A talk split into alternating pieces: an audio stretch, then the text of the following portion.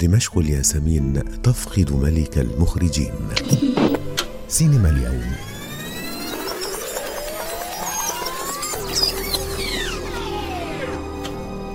على اليوم بودكاست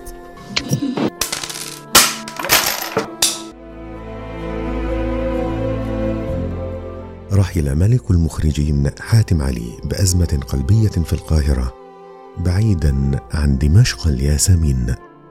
التي أحبها واحبتها وأنهكتها الحرب على مدى عشر سنين ترك ارثا كبيرا وغنيا من الأعمال الدرامية التي تركت بصمات كبيرة في عقول ووجدان المشاهد العربي. ابن منطقة الجولان الذي قضى معظم شبابه في مخيم اليرموك للاجئين الفلسطينيين. حاتم علي أخرج التغريبة الفلسطينية. النضج ولادة ثانية والولادة تحمل معها أوجاعها مع فرق. هون الإنسان نفسه بيمارس ولادة نفسه لازم يموت في إشي حتى ينولد في إشي جديد أوجاع وصراعات.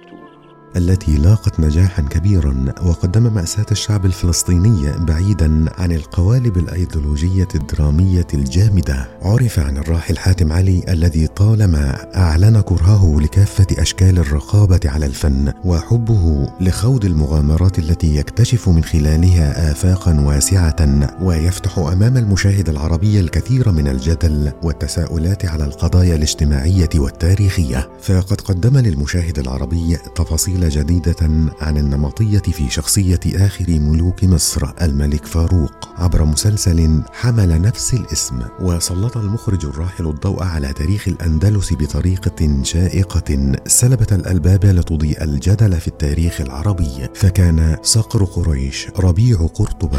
فكيف لرجل واحد ليس له ظهر إلا نفسه؟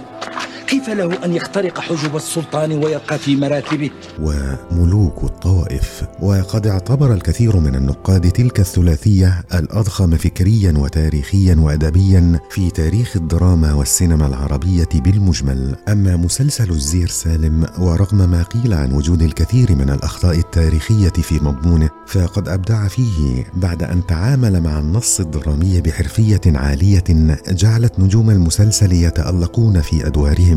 ويحظون بإعجاب المشاهد العربي الذي كان قد ابتعد عن متابعة الأعمال الدرامية التاريخية في وقت عرضه. وصل استهتارهم بدمائنا. بشسعنا علي كليب. جبير بشسعنا علي كليب. ولج حاتم علي على التمثيل من خلال أدائه شخصية عبد أجير الفران بمسلسل دائرة النار واستطاع أن يلفت الأنظار إليه منذ ظهوره الأول ليتوالى ظهوره في العديد من الأعمال الاجتماعية والتاريخية والكوميدية وشارك في العديد من الأعمال كممثل مثل هجرة القلوب إلى القلوب والعبابيد قبل أن يؤدي دورا مميزا في مسلسل التغريبة الفلسطينية والذي كان هو مخرجه. العامة التي خرجت وفتحت أبواب دمشق للملك العادل الشهيد نور الدين. العامة التي قاتل كبيرها وصغيرها حتى دحرت وحدها حملة الفرنجة الثانية. وبعد أن أبدع في التمثيل لمع نجمه بعالم الإخراج في تسعينيات القرن الماضي لتتوالى أعماله الرائعة مثل الفصول الأربعة صلاح الدين عمر الزير سالم والملك فاروق الذي نال عنه جائزة أفضل مخرج عربي في مهرجان القاهرة للإعلام العربي. وكذلك حصد جائزة أفضل مخرج عن فيلمه آخر الليل في مهرجان القاهرة للإذاعة والتلفزيون. لم يكتفي حاتم علي بالإخراج والتمثيل التمثيل فقد صدر له مجموعتين قصصيتين هما ما حدث ولم يحدث موت مدرس التاريخ العجوز. رحل حاتم علي مع رحيل هذا العام ليخلد بصمته في تاريخ الدراما العربية. شكرا لاستماعكم لنا وعلى وعد بلقاء في البودكاست القادم نتناول فيه لحظات أخرى غيرت حياتنا بشكل مختلف. انتظرونا لتتعرفوا على المزيد. دمتم في أمان الله. اليوم بودكاست.